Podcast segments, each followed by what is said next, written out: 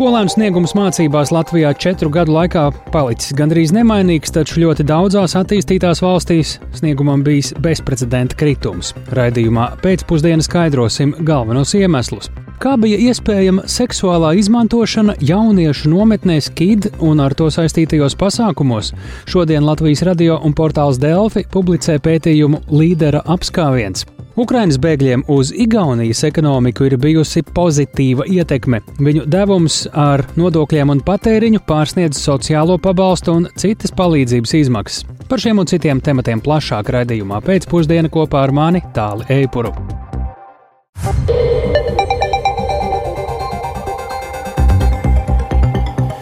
Pūkstens rāda 16,5 minūtes, skan pēcpusdienas ziņu programma, skaidrojot šodien svarīgus notikumus. Studijā Tālis Eipurs.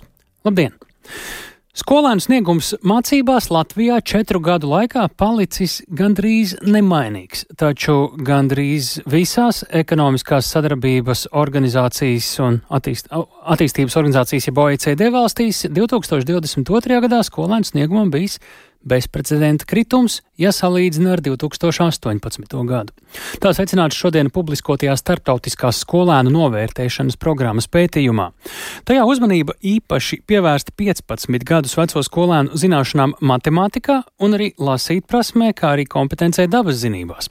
Analizēti skolēnu panākumi mācībās 81 valstī. Vairāk par to, kā mainījusies skolēnu spēja un sniegums Latvijā un kā izskatāmies citu valstu fona Zānes Eniņas ierakstā. Latvijā ir ievērojami mazāk skolēnu ar zemiem sasniegumiem mācībās, taču mazāk nekā vidēji ekonomiskās sadarbības un attīstības organizācijas, jeb OECD valstīs, ir arī izcilu skolēnu ar augstiem rezultātiem. Tas gan nenozīmējot, ka skolēnu zināšanas ir viduvējas. Drīzāk gan mācību darbā skolotāji vairāk uzmanības velta skolēniem, kur mācās sliktāk, un palīdz sekmes uzlabot, bet mazāk vērības tiek ļoti labajiem skolēniem. Tas atkarīgs arī no mācību mērķa akcentē pētījumu vadītāja Latvijā Rīta Kiseļova. Svarīgi ir mērķis, ko mēs bērniem mācām. Diemžēl mums līdz šim galvenais mērķis ir 9. klasē nokārtot eksāmenu. Un kamēr tas būs galvenais mērķis un kamēr skolotājs to arī strādās, tad tie, kas varētu būt labāki, kas varētu varbūt izcilākas sekmes iegūt, viņi nu, nu, paliek viņu novārtā. Nu, tā, diemžēl, mums ir. Starptautiskās skolēnu novērtēšanas programmas pētījumu parasti veic ik pēc trim gadiem. Iepriekšējais izvērtējums notika 2018. gadā, taču Covid pandēmijas dēļ nākamais sekoja tikai 2022. nevis 2021. kā bija paredzēts iepriekš. Visticamāk, ar pandēmiju saistīto ierobežojumu un attālināto mācību dēļ vidējie rādītāji trīs galvenajos parametros - zināšanās matemātikā, lasīt prasmē un dabas zinībās - ir radikāli pasliktinājušies. Latvijā savukārt uzlabojies skolēnu sniegums dabas zinātnēs. 2018. gadā tas bija tāds pats kā ekonomiskās sadarbības un attīstības organizācijas valstīs vidēji, bet jaunākajā pētījumā redzams, ka tas paaugstinājies virs vidējā līmeņa. Tiesa, vidējais līmenis pazeminājies. Arī matemātikā mūsu skolēni ir labāki nekā vidēji, taču šī līkne ir lejupējoša. Vidējā Latvijas skolēnu kompetence matemātikā ir samazinājusies. Situācija pasliktinājusies arī lasīt prasmes ziņā. Tur mūsu bērni netiek pāri vidējam līmenim OECD valstīs. Arī citos pētījumos atklājies šis trūkums, kas būtiski ietekmē spēju uztvert gandrīz jebkura cita mācību priekšmeta saturu. Dažus no pasākumiem, kas paredzēti lasīt prasmes uzlabošanai, uzskaita izglītības un zinātnes ministre Ande Čakša no jaunās vienotības. Šodien rīt mums ir sarunas kopā ar Kultūras ministriju un eh, Latvijas Nacionālo biblioteku, kur ir projekts attiecībā uz Latvijas prasmes veicināšanu. Eh, tad mēs runājam par materiālu vecākiem, jo principā lasīt prasmes stāsts sākas no pirmskolas ar pasaku lasīšanu eh, bērniem jau mājās. Un vienā ziņā tas tā tad ir sabiedrības lasīšanas ieraduma nu, tāda atjaunošana gribētu teikt, daļ, daļā sabiedrības, bet arī pamācīt vai, pamācīt vai iedot tādas vadlīnijas, kā, kādā veidā vecāki mājās var uzlabot šo lasīt prasmi. Lasīt prasmes ziņā mūsu skolēni atpaliek no vienaudžiem Lietuvā un ir ļoti tālu iepakaļ arī skolēniem Igaunijā. Mūsu ziemeļu kaimiņi visos trīs galvenajos parametros ir stipri priekšā gan Latvijai, gan Lietuvai un atrodas 81 valsts saraksta augšgalā, apsteidzot daudzas citas ne tikai Eiropas, bet pat pasaules mērogā. Uz jautājumu, vai, piemēram, lasīt prasmes uzlabošanai Igaunijā ir kādas īpašas programmas, atbild šīs valsts izglītības un pētniecības ministrijas vadošā analītiķe Eda Tagameca.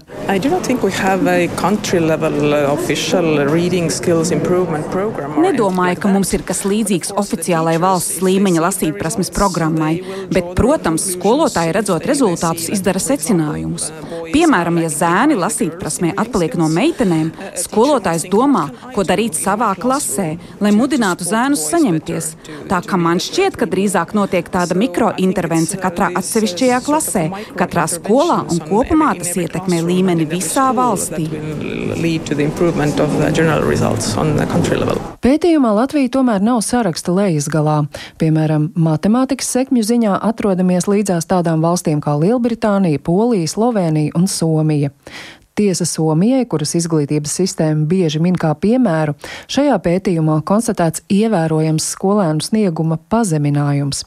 Gan tur, gan daudzās citās Eiropas valstīs pētījuma rezultāti izraisījuši plašu rezonanci, jo rādītāji daudz viet ir tik zemi kā nekad agrāk. Zana Eniņa, Latvijas radio. Šobrīd raidījumā pēcpusdienā esam sazinājušies ar neatkarīgās izglītības biedrības biedri RTU inženierzinātņu vidusskolas direktoru Lauru Fjodorovu. Labdien! Labdien! Ar ko jūs prāt skaidrojums tas, ka sniegums, piemēram, lasīt prasmē un matemātikā samazinās Latvijas skolēniem četru gadu laikā, bet pieaug uzlabojas dabas zinātnēs? Nu, es laikam pirmkārt teiktu tā, ka nekāda traģiska situācija atrodamies saraksta vidusdaļā mums, protams, nav. Un ir jautājums par to, ko tad mēs gribam. Vai mēs gribam, lai mums ir daudz izcilu skolēnu, vai arī mēs gribam, lai mums ir daudz vienkārši normālu, labu skolēnu. Nu, tā primitīvi izsakoties. Ar ko varētu būt saistīts? Nu, protams, lasīt prasmes, pasliktināšanās viennozīmīgi saistīta ar to, ka bērni no agras bērnības varbūt mazāk pievērš uzmanību grāmatām. Varbūt ne, nevis tāpēc, ka vecāki nepērk, un nevis tāpēc, ka vecāki nelasa pasakas. Vecāki lasa pasakas, bet bērniem daudzkārt interesantāk šķiet nevis mācīties lasīt, bet skatīties kino, piemēram, kinoteātrī vai uh, spēlēt dažādas spēlītes planšetēs vai telefonos. Un tas ir pilnīgi saprotams, kā lai lasītu, bērnam ir jāveicina iztēle. Mm -hmm. Jo lasot, uh, bērns stādās priekšā, kā tas varētu notikt. Tad viņš ir pieredzējis redzēt Jā, gatavu pasauli. Tas par lasīt prasmu vēl matemātika, kur samazinājies sniegums, un dabas zinātnes, kur uzlabojas. Mm, es domāju, ar matemātiku ir tā, ja mēs paskatāmies uz maziem bērniņiem, kur tikko gatavojās skolai, Gandrīz visiem viņiem iet labi matemātikā un netik labi lasīšanā. Es domāju, ka matemātika mazam bērnam ir ļoti organiska. Bet tajā brīdī, kad matemātika, kā saka mani kolēģi matemātiķi, kļūst par uh, latviešu valodu, tā tad parādās burti, parādās apzīmējumi, bērns sāk nesaprast, un es baidos, ka arī matemātikas rezultāti lielā mērā ir saistīta ar lasīt prasmi, ar to, vai bērns vispār saprot, kas viņam ir jādara. Iespējams, viņš varētu izdarīt, ja viņš izlasot saprastu, kas ir jādara. Mm. Dabas zinību pieaugums, uzlabojums. Dabas zinību pieaugums. Es domāju, tā, ka pēdējos gados diezgan daudz ir runāts par tā saucamajiem STEM priekšmetiem. Visur, kur mēs skatāmies, tur ir tehnoloģijas, matemātika un dabas zinātnes. Un man ir aizdoms, ka tomēr tās dabas zinības lēnām, bet kļūst nedaudz populārākas nekā tas bija piemēram desmit gadus atpakaļ. -hmm.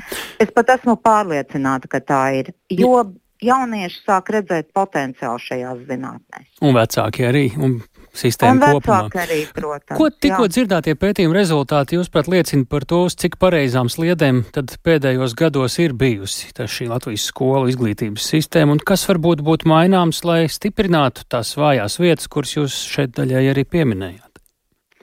Uh, pirmām kārtām es gribētu teikt, ka Latvijā skolotāji strādā labi. Par to liecina tas, ka mums ir salīdzinoši daudz bērnu ar tā saucamiem vidējiem rādītājiem. Un tas ir milzīgs darbs, lai šos vidējos rādītājus panāktu.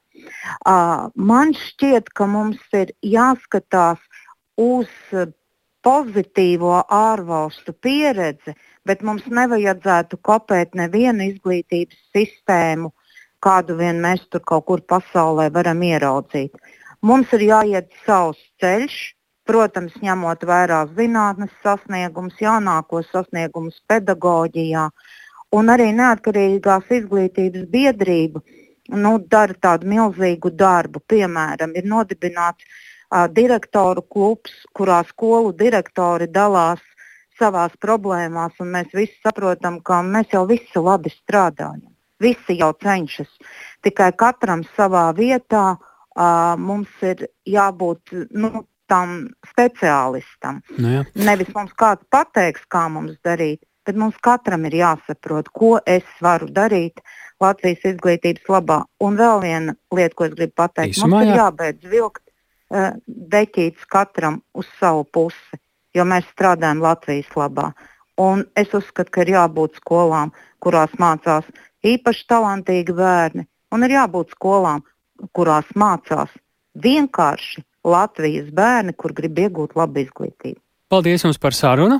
Neatkarīgās izglītības biedrības biedre RTU inženierzinātņu vidusskolas direktora Laura Fjodorova bija mūsu sarunbiedrene.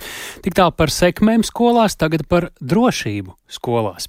Lai skolu vadībai būtu brīvākas rokas cīņā ar iespējamu vārdarbību un arī nelegālo vielu apriti un lietošanu, un, piemēram, skolu direktori varētu arī pārbaudīt skolēna personiskās mantas uz aizdomu pamata, saimā ceļu sācis valsts prezidenta rosināts likumprojekts. Šodien deputāti to nodeva skatīšanai pirmajā lasījumā, un vairāk par tematu stāsta Paula Dēvica. Saimas izglītības, kultūras un sporta komisijā šodien atbalstīja valsts prezidenta Edgara Rinkēviča rosinātas pārmaiņas, kas nosaka algoritmu, kā skolās izvairīties no situācijām, kad skolēns apdraud mācību procesu, skolas personālu vai citus skolēnus. Kā arī nosaka algoritmu situācijās, kad ir aizdomas par nelegālu vielu lietošanu vai apriti izglītības iestādē. Proti, grozījumi piešķir lielākas pilnvaras skolu direktoriem. Piemēram, tie nosaka direktoram pienākumu izvērtēt informāciju par vardarbību pret skolas darbiniekiem, kā arī nosaka darbības, kurām jāsako. Savukārt vecākiem paredzēta atbildība par skolas neinformēšanu par bērna veselības stāvokli vai apstākļiem, kas var apdraudēt mācību procesu vai skolotājus un citus skolēnus. Vairāk stāsta prezidenta padomniece Kristīna Līce. Tā ir akūta problēma, vardarbības riski, draudi skolā esoši jebkuras personas, vai tie skolēni, pedagogi, skolas darbinieki dzīvībai, veselībai. Ir gana daudz ziņu arī masu mēdījos par ļoti bīstamām situācijām. Un šeit es atsaukšos uz to arī, ko Batņas kungs teica, ir dažādi viedokļi par skolu tiesībām rīkoties. Un prezidenta ieskatā nedrīkstētu būt situācija, kur ir reāli draudi kādas personas dzīvībai vai veselībai, bet skola nav pārliecināta, ka tā drīkst rīkoties. Tāda situācija nedrīkst būt. Vairāki instrumenti, kas skolas personālam dod tiesības rīkoties apdraudējuma gadījumā, jau ir tagad. Tomēr nozares pārstāvji uzskata, ka tie pašlaik nav pietiekami, lai pienācīgi novērstu drošības riskus. Piemēram, mantu pārbaudi šobrīd var veikt vien policija. Turpina Latvijas izglītības vadītāju asociācijas direktors Rudolfs Kalvāns. Ja šis process būs tieši tāds pats kā šeit valsts policijas kolēģiem, cimdiņi, akti, fotofiksācijas, paskaidrojumi, tas tā, neviens direktors to nedarīs. Neviens direktors šādu normu nepieņem. Būs deliģējums, paldies, realitātē, nu, saprātīgs, kurš savu darbu cienu un savu, teiksim, administrācijas laiku šīs tiesības neizmantos. Kalvāns aicina deputātus rūpīgi strādāt pie likuma projekta niansēm, lai pārbaudas būtu veicamas vienkāršāk un algoritms būtu skaidrāks. Likuma projekts šodien tika atbalstīts skatīšanai pirmajā lasījumā un paredzams to izstrādāt daudz niansētāku. Viens no rosinājumiem ir tiesības mantu pārbaudēji piešķirt ne tikai skolas direktoram, bet deleģēt vēl kādām personām, lai reakcija varētu būt ātrāka attiecīgās situācijās. Uz precizējumiem uzstāja arī izglītības ministrijā, turpina ministres padomniece Nelija Repina. Tad, uh, tur ir nepieciešams kā, papildināt gan definējumus par tām vielām, un uh, kas tad ir tie apdraudošās vielas un priekšmeti, un uh, uz kādām izglītības iestādēm tas ir attiecināms. Tāpat tās par ātro rēģēšanu, bet ko es gribētu minēt, uh, ka draudi ir gan darbiniekiem, gan izglītojumiem. Es līdz galam īsti neizprotu, kā viņi paši varēs atrisināt ar somas pārmeklēšanu šo draudu mazināšanu. Par precizējumiem gan vēl spriest ir laiks, jo likumprojekts šodien tika virzīts tikai pirmajam lasījumam, kas nozīmē, ka līdz pieņemšanai tas vēl tiks mainīts. Paula Dēvica, Latvijas radio. Par jauniešu drošību turpinām, turklāt pirms piesakām nākamo tēmatu ir jābrīdina, ka ierakstā ir vardarbības apraksti. Seksuālā izmantošana jauniešu nometnēs KID un ar to saistītajos pasākumos astoņu sieviešu stāstus par piedzīvoto šodien publicēja Latvijas radio un portāls Delfi pētījumā Līdera apskāviens. Runa ir par notikumiem pirms vairākiem gadiem, kad daļa no sievietēm vēl nebija pilngadīgas. Meitenes vasaras nometnē iepazinās ar to rīkotājiem, pieaugušiem vīriešiem, kuri viņas iesaistīja attiecībās un seksuāli izmantoja kā tas varēja notikt un kāpēc neviens nav saukts pie atbildības. Sešās sērijās skaidro Latvijas radio raidieraksts dokumentārijas. Kolēģi Linda Spundiņa apkopoja žurnālistu izpētīto. Šis ir podkāsts dokumentārijas. Portāla Delfi un Latvijas rādio pētījums Līdera apskāviens. Raidierakstā žurnālistis pētīja notikumus organizācijā KID un intelektuālo spēļu klubā Kas kur kad, kas rīkoja dažādas aktivitātes jauniešiem. Pirms gada Facebook krievalodīgo rīznieku burbulī viena no pētījuma autoriem Olga Dragaļeva pamanīja sieviešu ierakstus, kuros aprakstīta seksuāla izmantošana organizācijas KID, jeb kultūra, iecietība, draudzība vasaras nometnēs. Ieraksti auga līdzīgi kā mītū kustība, atklājot vairākus skaudrus stāstus. Marina 2016. gada nometnē iepazinās ar vienu no līderiem - Pāvelu Vereķeņikovu. Tobrīd viņai bija 16 gadu, bet Vereķeņikovam 35. Visu tā gada rudeni viņš meitenei rakstīja, aicināja satikties un iedzert. Marina piekrita satikties. Un uh, pavasarī notika trīs tikšanās viena no tām vai divas notika seks. Tā gada vasarā Marina otro reizi aizbrauca uz Kidu nometni, kur Vera Ķeņikovs, ar iesauku Vermuts, bija viens no līderiem, un arī nometnē viņš meiteni izmantoja. Turpat bija tā situācija, kad es Vermutam teicu, apstājies, man sāp. Viņš aizspiež muti ar rokām un saka, ļauj man pabeigt. Par Vera Ķeņikova uzmācību raidierakstā stāsta vēl viena meitene. Viņš savu rīcību pētījuma autoriem nekomentēja. Dārja pirms sešiem gadiem iepazinās ar citu kid līderi - Pāvilu Nazārovu. Viņš tobrīd 19 gadus veco jaunieti uzrunāja organizācijas pārgājienā. Meitenē nebija telts, tāpēc līderis pieteicās palīdzēt. Nazārovs aicināja aiziet uz mežu, kur viņiem bija seks. Barbara ar Nazārovu iepazinās nometnē. Pēc kādas balītes viņš barbaru sāca skūpstīt, vilcis no drēbes. Tolaik jaunietē bija 17 gadu. Nazāros attiecības ar jaunietēm žurnālistēm nenoliedz, taču nepiekrita, ka bijis vārdarbīgs. 2019. gada vasarā pēc saņemtām sūdzībām gan Pāvela Nazārovu, gan Pāvela Verķeņikovu izslēdz no KID. Pētījums atklāja, ka arī KID organizācijas vadītājs Dmitrijs Bočerovs uzmācies jaunietēm. Vīrietis Jūlijai ilgu laiku rakstīja romantiskas ziņas, kaut gan viņa lūdza to pārtraukt. Bočerovs rakstīja arī citai jaunietei, Ilonai, ar kuru iepazinās intelektuālo spēļu klubā Kas kur kad. Viņš bija šo spēļu skolas līgas organizētājs. Lūk, fragments no Bočerovas ziņas Ilonai. Starp citu, ja tu gadījumā gribi pabildēties plika, dod man ziņu.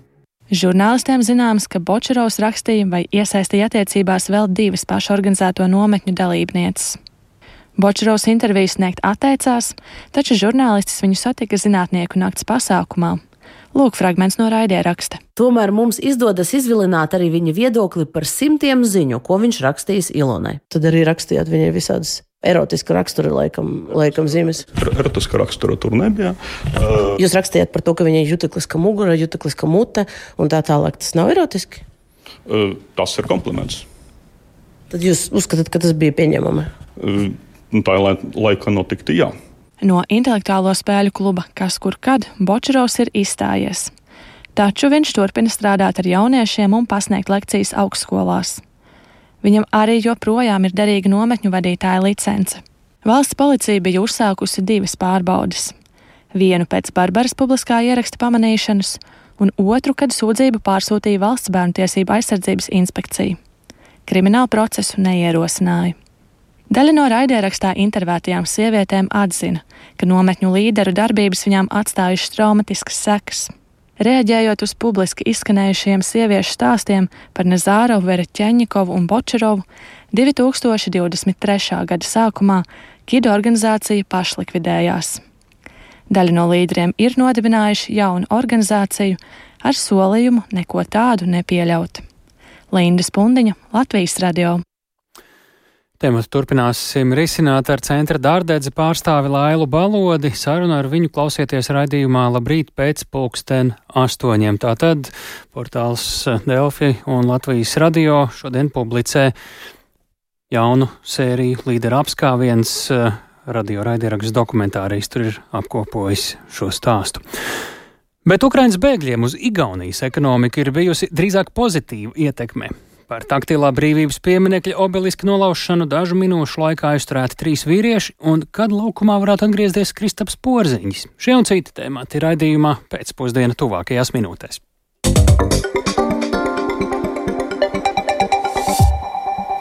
Par migrācijas reformu līdz gada beigām vienoties joprojām cer Eiropas Savienības valstu politiķi. Par tās sastāvdaļām tagad ir aktīvas sarunas starp Eiropas parlamenta un dalību valstu pārstāvjiem. Savukārt šodien Eiropas Savienības iekšlietu ministrija spriež par to, kā uzlabot cilvēku izraidīšanu, ja viņiem patvērums ir atteikts. Eiropas Savienības iekšlietu komisāra Ilva Johansona arī pavēstījusi, ka gaidāmo svētku laikā Eiropā strauji palielinās teroristisku uzbrukumu draudi. Notikumiem Briselē seko arī mūsu korespondents Arķems Konohaus. Sāksim Arķem ar jau pieminētajiem terorismu draudiem. Kā iekšlietu komisāri pamato savu paziņojumu par pieaugušajiem draudiem?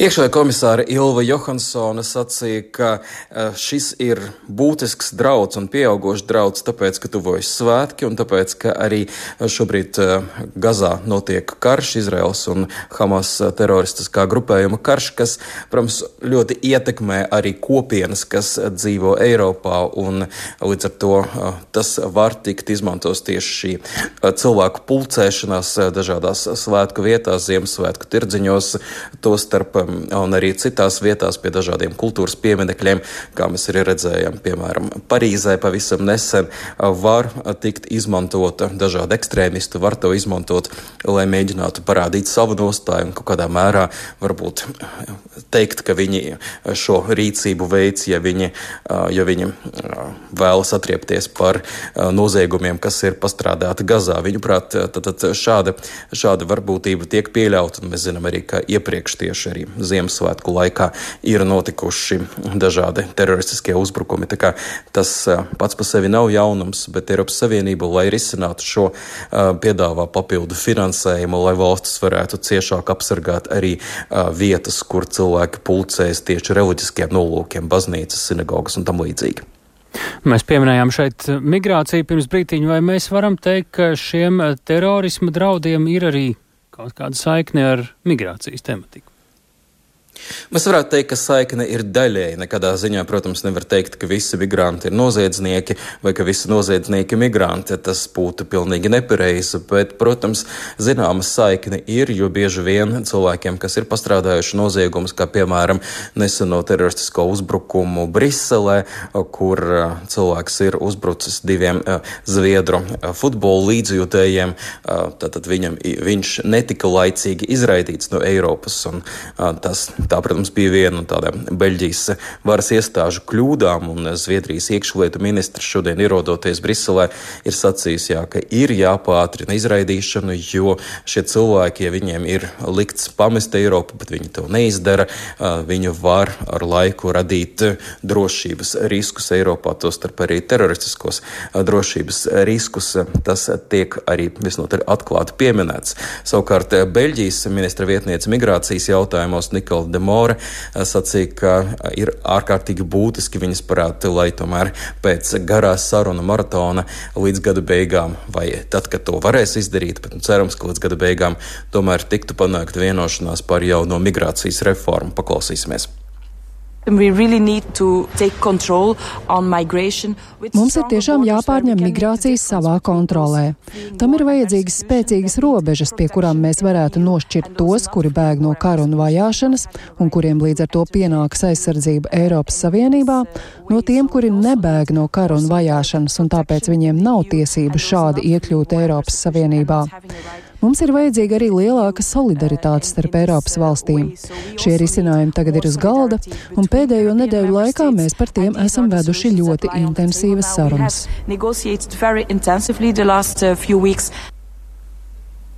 Tā kā jā, sarunas par šiem failiem joprojām turpinās. Tāli? Jā, Arķēm, kad varētu būt galīgais balsojums par migrācijas reformu, tas arī jau sāk iezīmēties?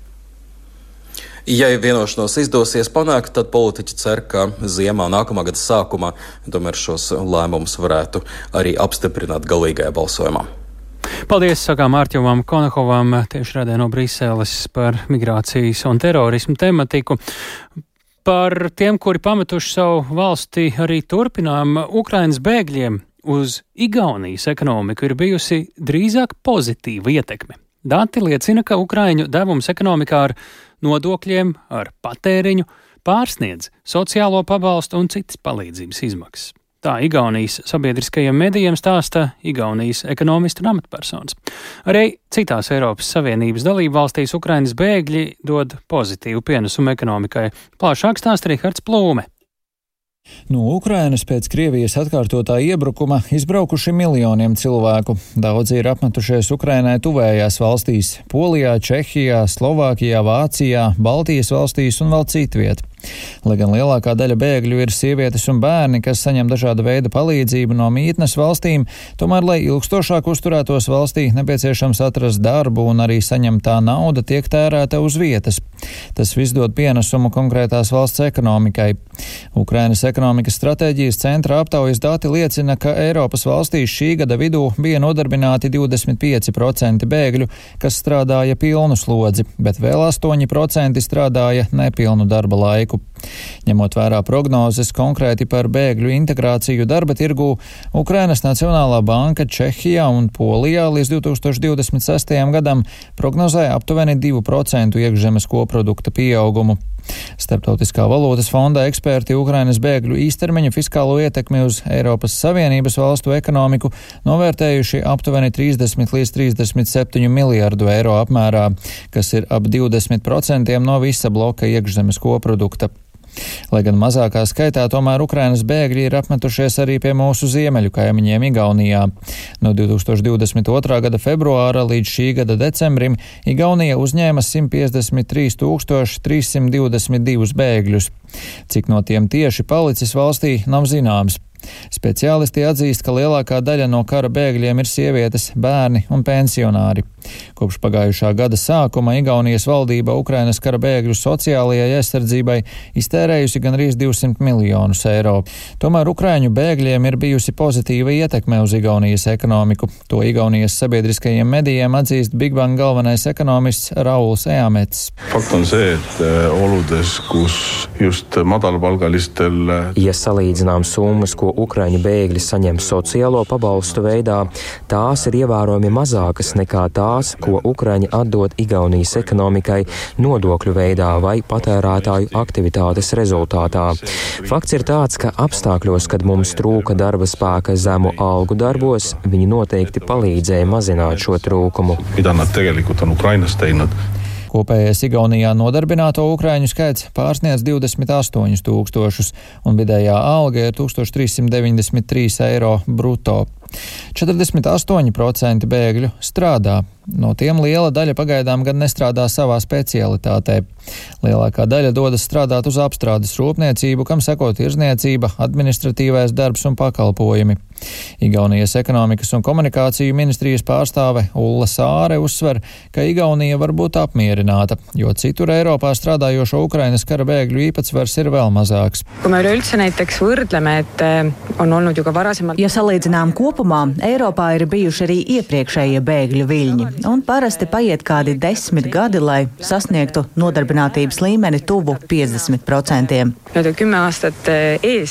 Lai gan liela daļa bēgļu norāda, ka vēlas atgriezties Ukrainā, tomēr nav skaidrs, vai un kad tas varētu notikt. Rihards Plome, Latvijas radio. Autostāvvietas Rīgā kopš piekdienas ir iztīrītas 40 tūkstošu kvadrātmetru platībā. Gadrīz puse no tā visa pagājušajā naktī. Tā šodien Latvijas radio informē uzņēmumā Rīgas satiksme. Nolīgtais uzņēmums šonakt aktīvi strādāja pēc Rīgas domas vadības vakardienas paustajām dusmām. Pašvaldība bija neapmierināta arī ar vismaz simt neiztīrītām sabiedriskā transporta pieturām. Arī tās tagad ir iztīrītas. Un šobrīd vēršamies pie mūsu kolēģa Viktora Demīdo. Saki, vai varam teikt, ka Rīgā sniegs no pieturām stāvvietām ir izvests, vai tomēr darbi vēl turpinās turpināsies?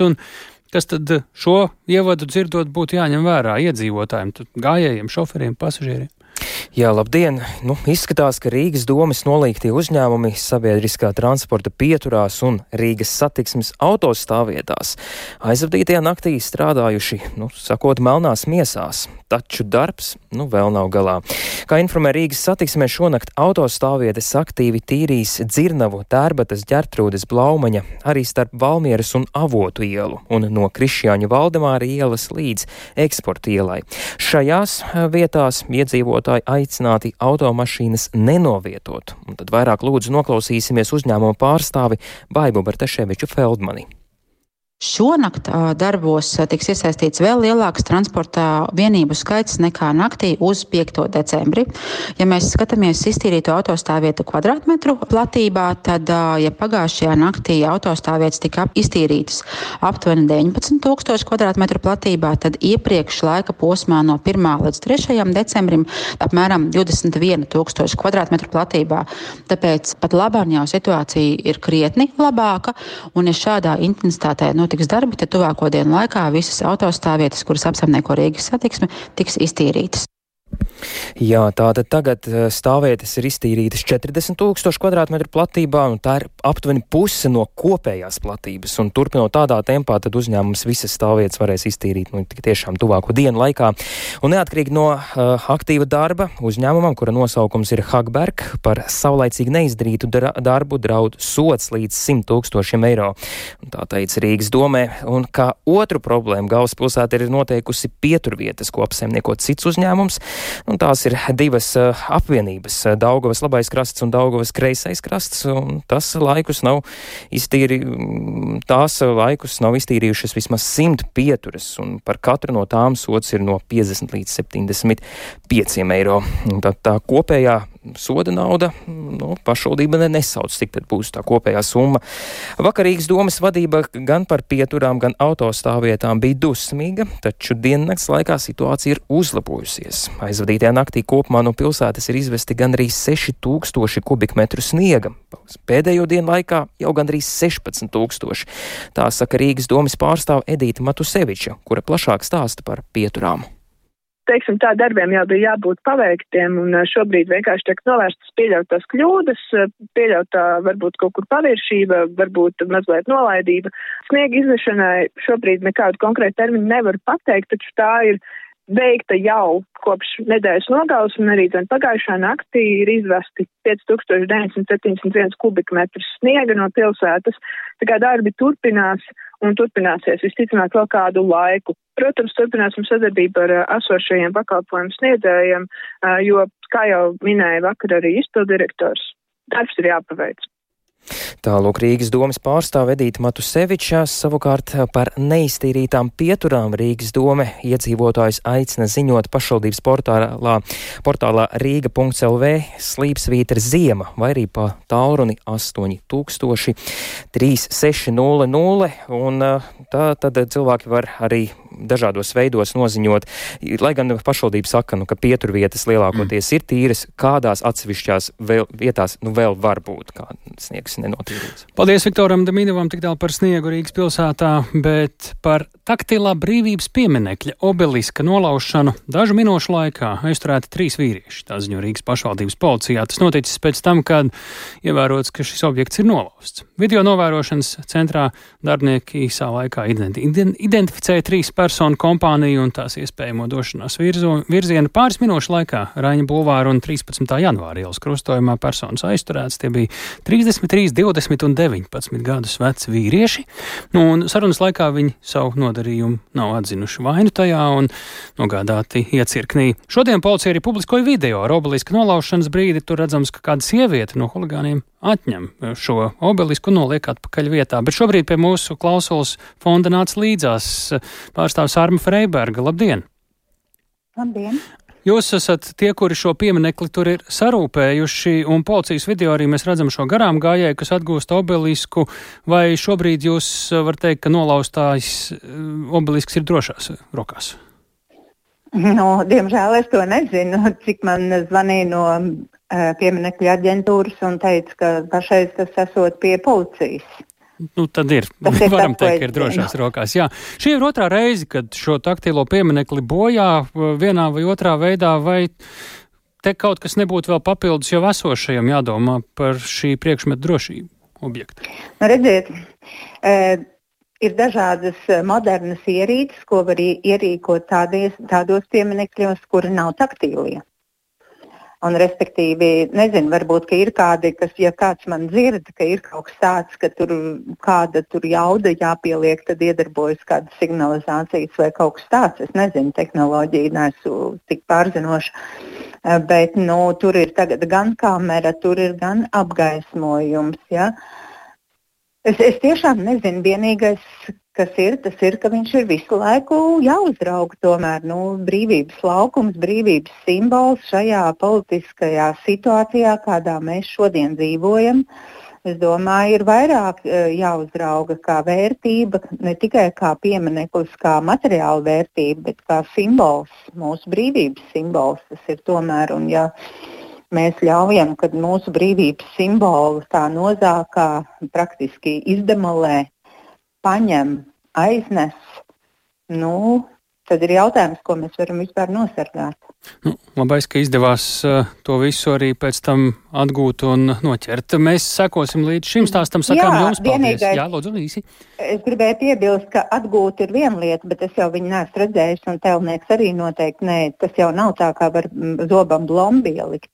Nu, jā. tas ir mākslas darbs, jā, un tur nu, es nezinu tiešām, cik Viņš daudz jāieliek. To nevarēs jā. vienkārši uzlikt atpakaļ un viss. Mm. Paldies par sarunu. Sārma Freiberga no fonda nāca līdzās, bet šobrīd pievēršamies sportam. Basketbolists Kristaps Porziņš savainojuma dēļ laukumā nav devies jau vairāk nekā nedēļu, izlaižot četras Bostonas Celtics spēles NBA Kas zināms par porziņa atlapšanas procesu, kad viņu atkal varētu ieraudzīt? Spēlējam, to vaicāsim Mārtiņam Kļaviniekam. Mārtiņa atgādina lūdzu par porziņa traumu un cik ilgu atlapšanu viņam sākotnēji prognozēja. Jā, sveiks tālu un sveicināt radio klausītāji. Kristaps aizpagājušās nedēļas izskaņā precīzi 24. novembrī pret Orlando Magic savainoja kreisās kājas ikra muskuli. Tā bija spēles situācija bez kontakta ar pretinieku. Sākumā tika pateikts, ka tā būs aptuveni nedēļa, pēc kuras tad vērtēs, kā viņš jūtas, un jau pēc piecām dienām pats Kristaps sacīs jūtos ļoti labi, bet ārsta vēl liek būt piesardzīgam un nesasteigt atgrieztos. Tagad, ja mēs paskatāmies kalendārā, pagājušas jau 11 dienas kopš traumas gūšanas tāli. Ko no šī varam secināt? Viss, viss pēc plāna rit, vai tomēr tā atlapšana ir sākusi ieilgt? Jā, nu kā pats Kristaps arī to skaidroja, un kā speciālists saka, tad uh, ar ikra muskuli nevar jokoties. Labi, ja tas tagad ir pagaidām tikai sasitums vai viegls sastiepums, tas var pāraukt nopietnākā traumā, tāpēc jābūt īpaši piesardzīgiem. Zinām, kāda ir bijusi Kristapa uh, trauma vēsture līdz šim, tāpēc no nu, ar viņu ķermeni ir īpaši komanda piesardzīgi. Tāpēc uh, visticamāk tas skaidrojams ar to, ka vienkārši ir papildu piesardzība vairāk dienas atpūtai, nesasteigt atgriešanos, nelēkt uzreiz laukumā. Tāli. Jā, un zinot eh, Kristapa vēsturi ar savainojumiem, ko par to saka fani, šī ir pirmā krīze viņam jaunajā komandā. Tā ir gan jā, nu vismaz vēlākie Celtics fani, cik papētīju vietnē X, kur nav anonīma komentāri, bet tomēr vairumā gadījumā tomēr cilvēki atklāja savu īsto vārdu. Tur vēlākie fani ir saprotoši, uzsver, ka ļoti gaida porziņu atgriežamies sastāvā, jo bez, komandas, bez viņa komandas aizsardzībai klājas ļoti grūti. Nu, protams, parādījušies jau pirmie nievājošie viedokļi arī, kas Celtics tagad redz mm. sastopas ar to, ko vasarā jau teica, ka rekur porziņas daudz būs savainots, nu, daudz jā. sēdēs malā, komandai Labi. nav dziļuma, bet nu, tā tomēr to nevajag uztvert. Tas nav tik viennozīmīgi. Toreiz mīkšs par Kristapu Porziņģi. Paldies Mārtiņam Kļaviniekam. Šis bija ziņu raidījums pēcpusdienu. To veidoja Tālsēpurs, arī Kaspars Groskops, Sīvietes Zvēniec un Aiga Pēlāne. Vislabāk!